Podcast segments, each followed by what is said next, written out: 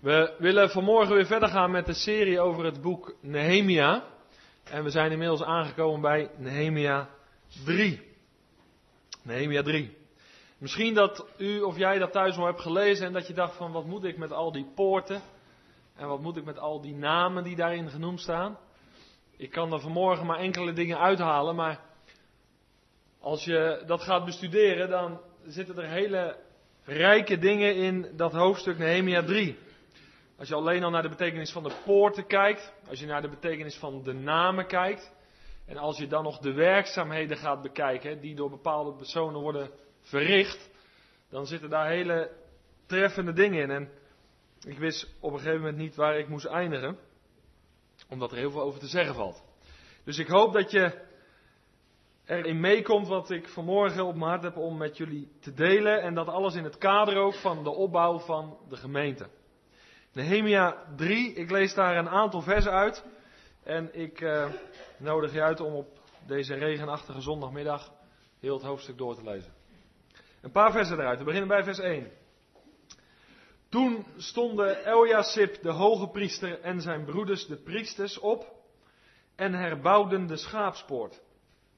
Zij heiligden die. Dit is trouwens de enige poort die door het volk, door de priesters geheiligd wordt. En dat komt door de bijzondere betekenis van die schaapspoort. En plaatsten de deuren ervan tot aan de honderdtoren, heiligden ze hem. Tot aan de Hananeel-toren. En daarnaast waren de mannen van Jericho aan het bouwen. En daarnaast bouwde Sakker, de zoon van Imri. En dan vers 5. Daarnaast verrichten de inwoners van Tekoa herstelwerk, maar de vooraanstaande onder hen zetten hun schouders niet onder de dienst van hun heren. En dan vers 14. De mespoort, die kan je ook noemen de aspoort, herstelde Malchia, de zoon van de Regab, hoofd van het district Bet-Gerem. Hij hij herbouwde hem en plaatste zijn deuren met de sluitbalken ervan en zijn grendels. En dan vers 22. En daarachter verrichten de priesters, de mannen uit het omliggende gebied, herstelwerk. En daarachter verrichten Benjamin en Hassub herstelwerk tegenover hun huis.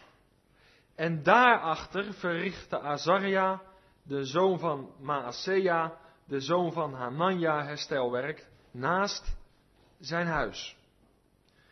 En dan vers 28. En vanaf de paardenpoort verrichten de priesters herstelwerk, ieder tegenover zijn huis. En daarachter verrichtte Zadok, de zoon van Immer, herstelwerk tegenover zijn huis. En daarachter verrichtte Semaja, de zoon van Seganja, de bewaker van de Oostpoort, herstelwerk.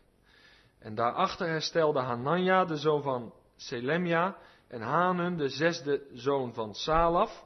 Dus er waren ook jongeren betrokken daarbij. Een tweede gedeelte. En daarachter verrichtte Mesulam, de zoon van Berechja, herstelwerk tegenover zijn kamer. En daarachter verrichtte Malchia, een edelsmid, herstelwerk tot aan het huis van de tempeldienaren en de handelaars. Tegenover de poort van Mifkat, of de wachtpoort, wordt die ook genoemd, en tot het bovenvertrek van het hoekpunt.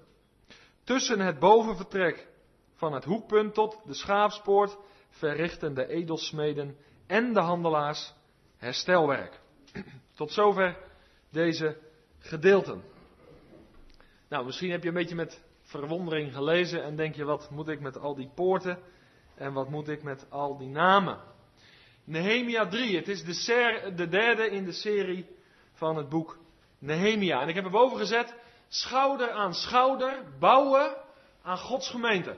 Schouder aan schouder bouwen aan Gods gemeente. Ik heb drie gedachten. In de eerste plaats de poorten. In de tweede plaats de bouwers. En in de derde plaats hun gezindheid. De poorten, de bouwers en hun gezindheid. En daarbij moet je beseffen dat als we het hebben over de bouw aan Gods gemeente, dat wij mogen bouwen aan Gods gemeente in alle vrijheid. Maar het is vandaag de zondag van de leidende kerk, de vervolgde kerk. En als je dat gaat bestuderen, als je daarna gaat kijken, dan zie je dat die vervolgde christenen in het verborgene, vaak onder grote druk en met gevaar voor eigen leven aan het bouwen zijn aan Gods gemeente. En als je dat beseft, en we gaan vanmorgen nadenken over het thema schouder aan schouder bouwen aan Gods gemeente, dat wij dat in vrijheid mogen doen. En ik hoop dat je vanmorgen gaat zien dat het een heilig voorrecht is dat wij dat hebben. Maar dat vraagt ook inzet van onze kant. En dat geeft ons een grote verantwoordelijkheid. Wij hier in vrijheid bij elkaar hebben een gemeente, hebben een plaats ontvangen waar wij God mogen ontmoeten in het bijzonder. En waar wij elkaar mogen ontmoeten en bemoedigen en mogen opbouwen. Maar de leidende kerk doet dat in het geheim. En soms horen we dat hun harten, hun harten meer branden voor de Heer Jezus dan de gemeente die hier in het westen bij elkaar komt. En dat is een hele schrijnende situatie eigenlijk. Dat is heel confronterend als je dat hoort, dat de vervolgde kerk bidt voor, de, voor het Westen, voor de gemeenten in het Westen. Zij zijn in verdrukking, in vervolging toegewijd. En hoe zijn wij in een vrije situatie? Schouder aan schouder bouwen aan Gods gemeente. En ik hoop dat een ieder die hier is, zijn verantwoordelijkheid vanmorgen niet naast zich neerlegt en het plaatje bekijkt en zegt, nou ja, het is wel aardig, maar dat we daarmee aan de slag gaan. En ik zal daar nog aan het einde wat van over zeggen. Want er komt een dag dat wij voor de rechterstoel van Christus moeten gaan verschijnen. Blader even met mij naar Nehemia 2. Een klein stukje om de draad op te pakken. We hebben gezien Nehemia 1. Daar zagen we Nehemia als een man van gebed. Nehemia 2 is die de muren, de poorten gaan verkennen. En hij heeft de leiders van het volk bij elkaar geroepen. En dan zegt hij in vers 17 van Nehemia 2. U ziet de ellende waarin wij verkeren dat Jeruzalem verwoest ligt en zijn poorten met vuur verbrand zijn. Kom, laten we de muur van Jeruzalem opbouwen, zodat wij niet langer een voorwerp van smaad zijn. En ik vertelde hun over de hand van God, die goed over mij geweest was, als ook de woorden van de koning die hij tot mij gesproken had. En dan komt dat schitterende dat heel het volk zegt, toen zeiden zij, laten wij opstaan en gaan bouwen. Dat zeggen wij ook met elkaar vanmorgen. Laten we opstaan en gaan bouwen. En dan begint hoofdstuk 3. En dan gaan ze aan de slag. Je ziet dus in hoofdstuk 3 dat daadwerkelijk de handen uit de mouwen gestoken worden. En dat men gaat doen waartoe ze besloten hebben met elkaar. De eerste plaats dus de poorten. Wat ik in de vorige studies heb gezegd is dat de muren van Jeruzalem waren niet bestemd om het volk helemaal te isoleren van de omgeving. Zo van met een boekje in een hoekje gaan zitten. Maar de poorten of de muren die dienden als afzondering. Als heiliging, als bescherming van het volk. En dan moet je weten, de terugkeer was in gang gezet. En het was Serubabel die, de, die, de, het altaar had herbouwd. Vervolgens onder Esra was de tempel herbouwd. En nu onder Nehemia worden de muren herbouwd. Dus van binnenuit krijgt de stad steeds meer gestalte. Met als centrale punt het altaar. Moet je even vasthouden. En heel dat volksleven van Israël was er dus op gericht. Want als jij daar liep in Jeruzalem, dan zag je de rook van het altaar omhoog stijgen. Alles binnen die omheining was gericht op de eredienst aan God. Mooi. Zo'n boodschap op zichzelf. Het altaar herbouwd, de tempel en dan de omheining. Niet om te isoleren, maar om af te zonderen van de onheilige wereld. Vorige week, en als je die nog niet hebt gehoord, moet je die naluisteren. God verlangde een plaats, een woonplaats, om daar te midden van zijn volk te wonen. Het ging om de eredienst aan God. En dan de poorten van Jeruzalem, dat waren de plaatsen waar recht gesproken werd. Daar ging het om waarheid en leugen. Waarbij de waarheid het voor het zeggen had. En het is heel interessant als we nu nadenken over die muren en die poorten van het aardse Jeruzalem. Blader even met mij naar het boek Openbaring, Openbaring 21. Is bijzonder. Hier gaat het over het herbouwen van het aardse Jeruzalem, haar muren en haar poorten. Maar wat zegt Openbaring 21 over het nieuwe Jeruzalem? Daar staat in vers 25 iets heel moois. En haar poorten, de poorten van het nieuwe Jeruzalem, zullen overdag nooit gesloten worden. Want daar zal geen nacht meer zijn. En zij zullen de heerlijkheid en de eer van de naties daarin brengen. Geweldig. En al wat onrein is, zal er niet inkomen. En ook niemand die zich bezighoudt met gruwelen en leugens. Maar alleen zij die geschreven zijn in het boek des levens van het Lam. Dus dat nieuwe Jeruzalem, dat staat tegenover dat aardse Jeruzalem. En daar waren die poorten, die moesten nog gesloten worden. Die muren, die moesten weer opgetrokken worden, zodat er niets wat onrein was inkwam. Maar van het nieuwe Jeruzalem staat, daar komt geen onreinheid binnen. Daar zal geen nacht meer zijn. Daar is alles de heerlijkheid van God. Maar hier hebben we ook met de gemeente nog te maken met het onvolmaakte. Hier leven we als pelgrims. En vraagt God of we ook de muren van de gemeente bouwen. Niet om te isoleren. Maar dit moet een veilige plaats zijn. Waar niets binnenkomt wat onrein is. Maar dat het hier een plek is waar God kan wonen. Een heiligdom zagen we vorige week. Waar God is. Waar zijn heerlijke tegenwoordigheid is. En nou neemt Nehemia ons mee langs een tiental poorten. En ik kan ze moeilijk allemaal gaan behandelen. Ik haal er een aantal uit. En het wonderlijke is, hij begint met de schaapspoort en hij eindigt met de schaapspoort. En die schaapspoort, dat was de poort, nou dat spreekt voor zich, waar de schapen en de offerlammeren binnenkwamen. Die werden daar de stad door ingebracht. En dat alles bepaalt ons bij het belangrijkste van de stad en de tempel, en dat is de eredienst aan God. De schaapspoort, daar kwamen de offerdieren door binnen. En het bepaalt ons bij de poort der poorten, de Heer Jezus Christus zelf. Hij die zegt, ik ben de deur der schapen. En er is alleen door hem toegang tot de Vader. En het moet ook in de gemeente van de Heer Jezus Christus altijd gaan om Jezus Christus en dien gekruisigd. Het moet altijd gaan om het lam van God dat de zonde der wereld wegneemt.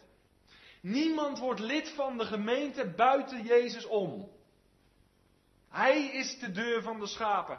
Die poort moet ook hier actief zijn. In stand gehouden worden. Hij als ingang tot de gemeente. Zoals de lammeren en de offerdieren en de schapen binnenkwamen door de schaapspoort. Er is alleen verzoening en ingang door Jezus alleen. En zo is er toegang tot de Vader.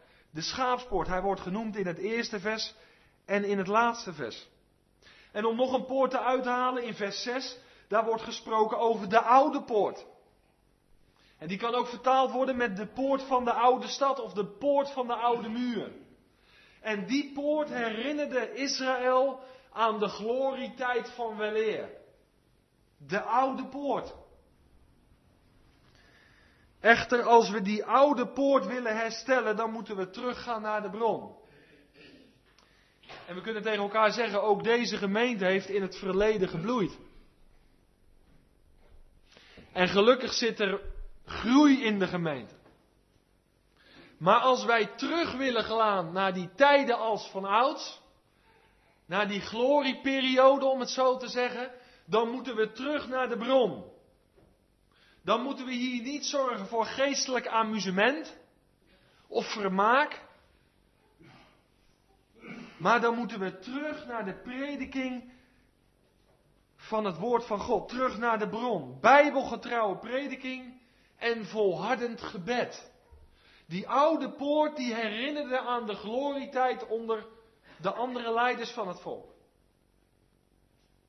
En er was een verlangen om die oude poort weer te herstellen, te herbouwen. Zodat de eer en de glorie van God weer aanwezig was onder het volk. En is dat ons verlangen? Niet alleen terugkijken en zeggen, ja, vroeger zat het hier helemaal vol en er is van alles en nog wat gebeurd. Maar is er in ons hart dat verlangen, Heere God, opnieuw vul ons met uw heerlijkheid? Is er een verlangen niet alleen praten over dat oude, maar verlangen naar een nieuwe vervulling van en met de Heilige Geest? Zodat ook hier oude tijden weer gaan herleven. Een bruisende gemeente. Met een goed geluid in het dorp. Niet van onszelf, maar van onze Heer en Heiland Jezus Christus. Die oude poort, die werd hersteld. En dat is niet in de weg van geestelijk amusement. Niet in de weg van liturgische hoogstandjes. Maar bijbelgetrouwe prediking en volhardend gebed. Ook woensdagavond. En dan gaat er hier wat gebeuren, maar het is wat Martin zegt, het zal niet zonder gebed gaan. Er zal een strijd gestreden moeten worden om bolwerken te verbreken. En dat God met zijn geest weer krachtig in en door ons heen zal werken. En om nog een poort te uithalen in vers 14, de mespoort of de aspoort. Schitterend. Als je dat leest, dat betekent dat door deze poort alle vuilnis, alle troep vanuit de stad werd afgevoerd naar het dal van Hinnom. Om verbrand te worden. Alles wat vuil was, alles wat tot afval gerekend werd, dat moest de stad uit. En daarom was het belangrijk dat die aspoort of die mespoort intact was. Zodat God gediend kon worden in heiligheid en reinheid. Maak mij een heiligdom. Dat is vandaag niet anders. De gemeente is het heiligdom van God, daar waar zijn geest woont. Dan moeten we die poort in stand houden. Dan moeten we, heel praktisch gezegd, alles wat zonde is, wegdoen uit ons leven. Alles wat ons verontreinigt in ons denken, in ons kijken, in ons luisteren, wat ik vorige week genoemd heb. Alles ter beschikking aan God stellen en alle onreinheid wegdoen uit je huiskamer, uit je hart maar ook uit de gemeente, zodat we hier in een heilige atmosfeer bij elkaar kunnen zijn. De aspoort, de mespoort, alles wat vuilnis was, werd door die poort weggevoerd om in het dal van Hinnom verbrand te worden. Zodat Jeruzalem een heilige plaats was. En God kan alleen werken daar waar reinheid is, waar heiligheid is. Dat verlangt hij. Daarom heeft hij zijn geest gegeven die, dat, de geest die dat vergeleken wordt met het vuur. Wat verwarmt, maar die geest die ook verteert. Die wegbrandt wat Christus niet is. De aspoort, de mespoort. En dan om er nog maar één uit te halen. De oostpoort. Geweldig profetisch perspectief. De oostpoort. Heel bijzonder. In Ezekiel 10 lezen we dat de heerlijkheid van God uit de tempel en uit Jeruzalem wegtrekt. De heerlijkheid van God verlaat Jeruzalem door de Oostpoort. Ezekiel 10. Maar later in het boek Ezekiel, hoofdstuk 43, staat dat de heerlijkheid van God weer terugkeert. Door welke poort? Door de Oostpoort. De Messias, de Heer Jezus Christus, zal straks een intocht nemen. Vanaf de Olijfberg door de Oostpoort. Broeder Dato heeft daar met Hemelvaardag iets van gezegd. Schitterend. En het volk gaat ook die poort weer herbouwen. De heerlijkheid van God. Weggegaan door die poort. Maar hij zal ook weer terugkomen. Daar is geloof voor. Daar ziet het Joodse volk naar uit. En je kan er voorleggen of je kan erachter neerzetten wat je wil. Maar Jezus zal majesteitelijk daardoor binnenkomen. En de grote der aarde zullen hem hulde gaan brengen. Dit is hem, Heere der Heren, Koning der Koningen. de Oostpoort. En zo zou ik alle poorten langs kunnen gaan. Met hun heerlijke betekenis. Zonder tot vergeestelijking over te gaan. Maar er is een heerlijke betekenis, want de Heilige Geest heeft het goed gedacht om al die tien poorten te omschrijven. Tot zover de poorten. De uitkijktorens, de muren, ze werden hersteld. Zodat de smaad van het volk en van de stad werd weggenomen. En nou iets over de bouwers. Mijn tweede gedachte. Want de Heilige Geest, die heeft de hand van Nehemia ook zo geleid, dat hij exact feilloos liet opschrijven wie wat deed. En welke werkzaamheden er werden uitgevoerd. En misschien las je het en je zei het natuurlijk niet, maar je dacht, wat moet ik daar nou mee? Maar dat zijn wonderlijke dingen. Want wat zie je hier? Het is bijzonder dat bij de herbouw van Jeruzalem en van de tempel zoveel verschillende mensen betrokken zijn. Nou, nou wordt het spannend voor de gemeente natuurlijk. Bij die herbouw is nagenoeg heel het volk betrokken. Want ze zeggen, kom laat ons opstaan en we gaan bouwen. En als we ergens behoefte aan hebben in onze gemeente, dan is het dat al die verschillende mensen, al die verschillende broeders en zusters zeggen, misschien moeten we het straks wel letterlijk even gaan doen, we gaan opstaan en we gaan bouwen. Heel het volk wat was betrokken op die ene zaak. Want wat heb ik net gelezen? De stad Jeruzalem was tot een smaad geworden. Als wij hier weer een bloeiende gemeente willen krijgen en houden, dan zullen we met elkaar de schouders eronder moeten zetten. Al die verschillende mensen. Want wat lezen we? Dat er mensen waren van allerlei rang en stand. Niemand uitgesloten. Werk in overvloed, Jeruzalem. En hier aan de plantageweg, de hoeksteen. Moet je je vervelen? Hoef je te vervelen? Nee, helemaal niet. Handen uit de mouwen. Aan de slag. Werk genoeg. Wat je achtergrond ook is. Of je intellectueel bent of niet. Of je directeur bent of dagloner. Wat het ook is, dat doet er niet toe. Het gaat om de eer en de glorie van God. En dat is een aspect, ik hoop dat dat duidelijk is. De gemeente is niet een bedenksel van mensen waar je vrijblijvend naar kan kijken en zegt, nou ja, fijn zeg dat ze samenkomen. En ik kom op zondag wel. Maar de gemeente is het plan van God. Maak mij een heiligdom. Daar kunnen wij niet over denken zoals wij willen. Dat is niet een, iets van menselijke makelij. Dat, is, dat heeft een goddelijke oorsprong. En als wij beseffen dat de gemeente het ultieme plan van God is, wonen in mijn volk, dan kan je nooit oppervlakkig ten opzichte van de gemeente staan. Dan kan je nooit zeggen, nou ja, die zal het wel doen. Nee, de eer en de heerlijkheid van God is ermee gemoeid. En soms denk ik wel eens dat, dat, dat de gemeente een soort snackbar is geworden. Van ja, ik heb eens trek daarin, dan lopen we eens naar binnen. We halen het op en we gaan weer weg met onze tas. En, nee, we gaan bouwen. Bidden bouwen. Betrokken. Niet alleen bidden hier, maar ook bidden thuis. Niet alleen samenkomen hier, ik kom daar straks nog op terug, maar ook samenkomen in mijn huwelijk, in mijn gezin. De eer en de heerlijkheid van God zoeken. We moeten af van het vrijblijvende. Dat is een pest voor de gemeente. Echt. Maar betrokken mensen. Vurig van geest. Vol van de Heer Jezus. Kijk, en als je ziet dat de gemeente de openbaring is van het lichaam van Christus. Dan is de vergelijking met een snackbar toch wel een vreselijke vergelijking, of niet? Maar het is wel de praktijk. We shoppen. We kijken hier is en daar is.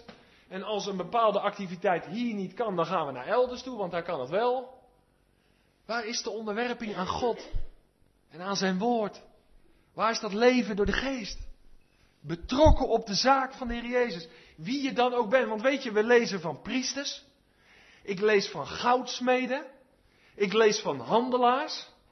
Ik lees zelfs van apothekers. Ik lees van vrouwen, die horen er helemaal bij in de gemeente van Christus. Ik lees van jongeren. Hé, hey, dat is bijzonder. Dan is Dok 11 op een gegeven moment dicht. Nee, we zijn dicht vrijdagmiddag, want we zijn aan het bouwen aan de gemeente.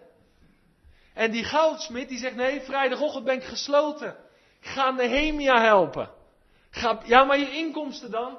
Zoek eerst het koninkrijk van God. En zijn gerechtigheid. Mijn werk heeft geen prioriteit. Maar de heerlijkheid van God in de openbaring van zijn lichaam heeft prioriteit. Begrijp je dit? Dit is belangrijk. Ze hebben daar prioriteiten gesteld. Eerst het altaar, dan de tempel, dan de omheining. En daar ging de goudsmid. Joh, je hebt helemaal geen vingers om te bouwen. Je hebt geen eelt op je handen en toch doe ik het. Want de zaak van God is het. De eer van God. Heb je zo wel eens naar de gemeente gekeken? Kijk, dan gaat alle vrijblijvendheid eraf. Dan gaat al het shopgedrag weg. Al het consumptiegedrag van allemaal ontvangen. Ja, dan zit hij zo alweer een boodschap hebben vanochtend. Nee, biddend, verlangend. Wat heeft hij? Wat heeft hij? Ik wil het opeten. Ik wil Jezus ontmoeten en dat niet alleen. Ik wil hem ook doorgeven. En ik wil meewerken aan de bouw. Ja, maar ik ben zo eenvoudig in mijn denken. Maakt niet uit. Werk genoeg. Bidden kan iedereen. Ja, maar ik, ik ben wel directeur en om nou in zo'n bidgroepje te gaan zitten, dat vind ik toch een beetje verlaging van mijn stand. Bekeer je ervan, van die gedachte. Dat is niet bijbels. Iedereen is welkom, sterker nog, iedereen heeft de opdracht om zichzelf ten volle te geven. Ik geef mij, wat zongen we vorige week als laatste lied? Mezelf aan u volkomen. Ja, maar ik ben directeur bij de. Van harte welkom. Iedereen. Daar word je stil van, hè? Maar dat is wat Nehemia 3 zegt, hoor. Ga alle namen maar bestuderen. Als je kijkt wie de mespoort. Daar stond het hoor, bij de mespoort. De, daar, was een man aan het werk die best hoog in aanzien was. Maar ging het werk bij de mespoort doen. Waarom? Het gaat om de eer van God. Voel je dat alles anders wordt? Als we eens een beetje verder kijken van ja, ik krijg niet wat ik wil hebben. En ze doen niet helemaal wat ik. Nee joh, ik wil dienen. Dienen. Zoals mijn heiland zelf deed. Kijk, en dan gaat er iets gebeuren in de gemeente. Schouder aan schouder, zei ik net toch? Dat was, dacht ik, het thema. Schouder aan schouder bouwen aan Gods gemeente, ongeacht achtergrond, maatschappelijke positie, maar betrokken op de zaak van God. Hem dienen. En dienend leven. En elk lid van de gemeente, zoals elke Israëliet, is waardevol. De Heere God wil iedereen gebruiken. En daarom is het spreken niet van meerwaarde dan het koffie inschenken straks. De vraag is, met wat voor hart doe je het? Ik hoorde een broeder zeggen, die kwam tot geloof. En die, het eerste wat hij zei, ging naar de oudste, wat kan ik doen? Wat kan ik doen? Je mag de stoelen neerzetten. Nou, hoe zou u reageren? Je mag de stoelen neerzetten. Geweldig, zei hij. En weet je wat hij deed? Hij pakte die stapel stoelen, hij zette hem neer en hij deed bij iedere stoel een gebed. Heer, zegen deze man of vrouw. Heer, zegen deze man of vrouw. Heer, zegen deze man of vrouw. Die had toch een blijdschap in het neerzetten van stoelen? En weet je wat er toen gebeurde? Aan het einde van de dienst hoorde hij dat mensen gezegend waren. Door die samenkomst. En weet je wat hij toen dacht? Maar wie heeft die stoel van die gezegende man of vrouw neergezet? Dat ben ik geweest. En ik heb bij elke stoel een gebed uitgesproken. Kijk, dat is het hè. Niet van ik wil podium. Nee, dienen. Voor de Heer alles. Maakt niet uit wat. Of je nou hier staat, of de tuin doet, of de koffie schenkt. Ik heb de intentie om iets bij te dragen aan de opbouw, aan de herbouw van de gemeente De Hoeksteen in Alblasserdam. Ja, maar ik schenk maar koffie. Nee, geweldig joh. God zegen je in het schenken van koffie. Dat de mensen een bakje koffie halen bij de balie. Ze zeggen, wat straalt die vrouw zeg. Ja, dat komt omdat ik het voor mijn heer doe. Kijk, dan gaan we anders naar elkaar kijken, hè. Dan hoef je niet hier te staan. Maar ieder waarderen op de plek waar hij gesteld is, met de gave die hij heeft. Maar wel betrokken. Niet slap, nu is een keer wel en dan. Getrouw. Getrouw, kom daar straks nog op. Trouw is het belangrijkste woord in de Bijbel. Eén van de belangrijkste. Trouw. Ieder is waardevol. En tegelijkertijd is het bouwen aan de muren geen bijkomstigheid, niet de vrijblijvendheid, maar het is een bijbelse opdracht en het hoort bij het praktische christenleven. En dat moet je goed beseffen. Want we bouwen in de gemeente niet aan ons eigen koninkrijk.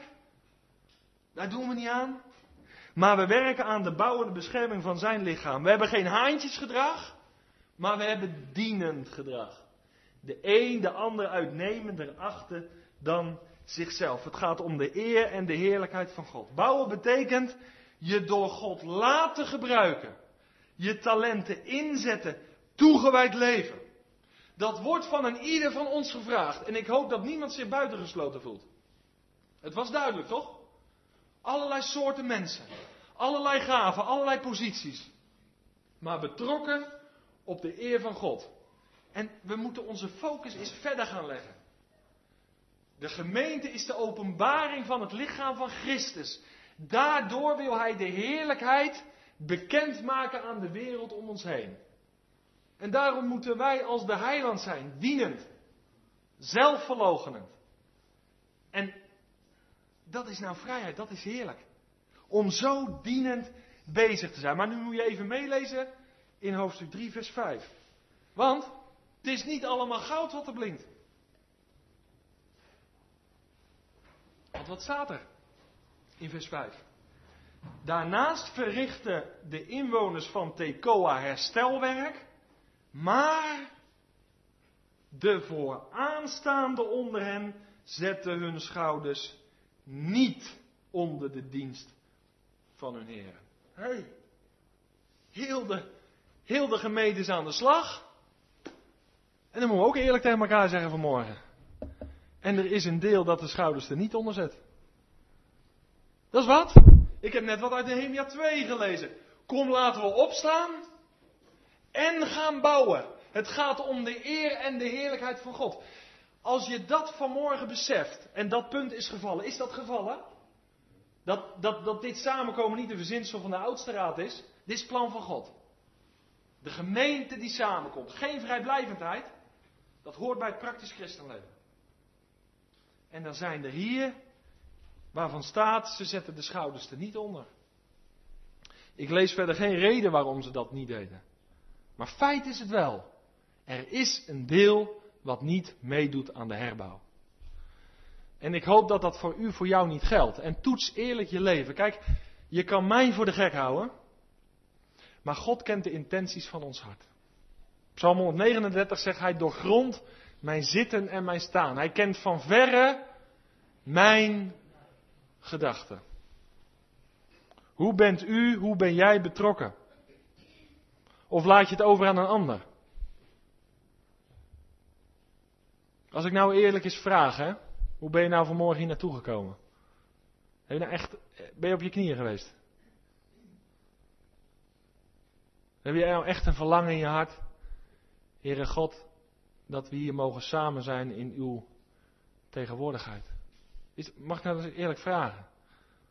Is het nou echt een werk voor je geweest? Heb je nou echt tijd voor vrijgemaakt? Je zegt, Heere God, ik wil u zoeken. U bent mijn volle verzadiging. Dat je betrokken bent. Dat je niet hier je stoel warm houdt. Zijn kerken vol, weet je dat? Maar ben je nou echt betrokken? Zet je de schouders eronder? En weet je, als je zo erin staat, dan gaat God je zegenen. En laat dit woord niet voor je gelden. Dat je niet de schouders eronder zet. En dat je maar een beetje fladdert en in de anonimiteit probeert te verdwijnen. En je taak niet op je neemt. Dan kan jij misschien wel de belemmering zijn dat de geest niet verder werkt in onze gemeente omdat je eigenlijk, en dat is mijn punt, voor jezelf leeft. En niet voor de eer van God. Een deel zetten hun schouders er niet onder.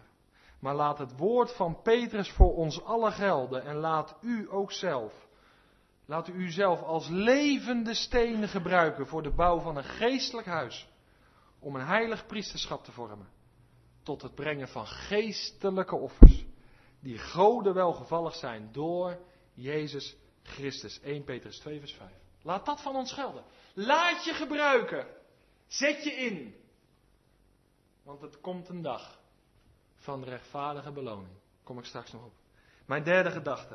Ik heb iets gezegd over de poorten. Iets over de bouwers. Niemand uitgesloten vanmorgen. Hè? Er zat geen woord Frans tussen. Dat is allemaal duidelijk. De vraag is: wil ik dit leven leven? Wil ik dit? Het is een keuze. En God beloont trouwheid. God gaat die keuze belonen. Maar dat is veel te veel vanuit de mens gedacht. Op het moment dat wij zien dat de gemeente de openbaring is van de heerlijkheid van God, gaan al die mitsen en maren weg. Hoe kan ik zo min mogelijk doen dat ik toch tot de gemeente behoor? Dat is een slechte instelling, daar moet je echt van bekeren. Dat is een verkeerde gedachte. Het gaat om de eer en de glorie van God. Want wat lezen we nou van die bouwers? We zien iets van de gezindheid. Dat vond ik schitterend toen ik dat las. Zo mooi. De gezindheid van de bouwers. Twee dingen vallen op. Lees met me mee in vers 2 en vers 4. In vers 2 en vers 4 vallen twee woordjes op. Daar staat daarnaast. En in het Hebreeuws staat daar aan zijn of aan hun hand. En het loopt als een refrein door het hoofdstuk heen. Steeds dat woordje daarnaast, dat wil zeggen hand aan hand, zij aan zij, schouder aan schouder. Die mensen werken samen, al die verschillende mensen, met een verschillende maatschappelijke positie, die werken samen voor die ene zaak. De eer en de heerlijkheid van God. Eén van hart, één van ziel voor de Heer. En het tweede wat opvalt is in vers 10, onder andere, en vers 23, maar het komt vaker voor. Dat is het tweede, dus niet alleen schouder aan schouder, maar ook staat daar het zinnetje tegenover of naast zijn huis. En weet je wat ik nou hoop, hè? Dat je dit stukje Bijbelstudie, dat je dat pakt. Ik merk vaak als ik spreek en je gebruikt voorbeelden, dan zitten ze allemaal met zulke ogen. Dan vinden ze sprekend. Maar zo'n stukje tekst uitleg, dat is kostbaar als je het gaat zien. Dat je dan ook geconcentreerd blijft luisteren en dat je dat pakt en toepast op je eigen leven. Daar staat tegenover hun naast hun huis. Weet je wat er gebeurde? Die mensen die begonnen met bouwen en herstellen bij hun huis. Of tegenover hun huis. We moeten dicht bij huis beginnen. Het is van belang dat er geen gaten, geen bressen zijn in ons huwelijksleven of in ons gezinsleven. We moeten dicht bij huis beginnen. Ik moet in de eerste plaats in vrede en harmonie met Annette leven en met mijn kinderen. Voordat ik het woord kan brengen. Begrijp je wat ik bedoel? Voordat ik hier kan bouwen, zal ik eerst moeten bouwen aan mijn huwelijk, aan mijn gezin. Dicht bij huis beginnen. En weet je wat nou wonderlijk is? Als ieder dicht bij zijn huis begint, dan krijgt die muur vanzelf weer gestalte. Mooi is dat, hè? De het altaar herbouwt, de tempel herbouwt, en dan de omheining. En als ieder zijn deel voor zijn rekening neemt bij zijn huis, dan krijg je als vanzelf een muur. Pak je het? Mooi, hè? Maar wel daar beginnen. Niet met een vroom gezicht dit gebouw binnenlopen, terwijl er thuis een rommel is. Hoef je geen zegen te verwachten. Dicht bij huis beginnen. Nabij leven met God in de binnenkamer in de allereerste plaats. Een harmonieus huwelijksleven. Samen de Heer dienen. Met mijn kinderen. En ik weet alle problemen die kunnen voorkomen. Ik kom genoeg tegen in het pastoraat. Maar dit is wel het principe van de Bijbel. En als we in ons huis, in ons gezin, bijbels leven, bijbels aan het bouwen zijn, dan komt het hier als vanzelf goed. Omdat we diezelfde geest meenemen de gemeente in. Dus huisgezinnen zijn in de allereerste plaats kleine gemeentetjes. En je ziet als vanzelf dat het met die grotere gemeenten, zoals we hier mogen samenkomen, als vanzelf goed gaat. Maar de eerste verantwoordelijkheid ligt dicht bij huis. Die gezindheid. Daarnaast, schouder aan schouder, En ze begonnen dicht bij huis met de herbouw. En weet je wat ik in die gezindheid zie? In dat herbouwen, in dat toewijden, daar zie ik iets van de gezindheid van Jezus in. Hij verloochende zichzelf om de wil van zijn vader te doen. Hij koos voor de wil van zijn vader. Hij wijde zichzelf toe. En als ik weet dat de gemeente de wil van God is, maak mij een heiligdom. Dan wil ik dienend bezig zijn, zoals mijn heiland. Dat begint heel dicht bij huis. In het huwelijk met mijn vrouw.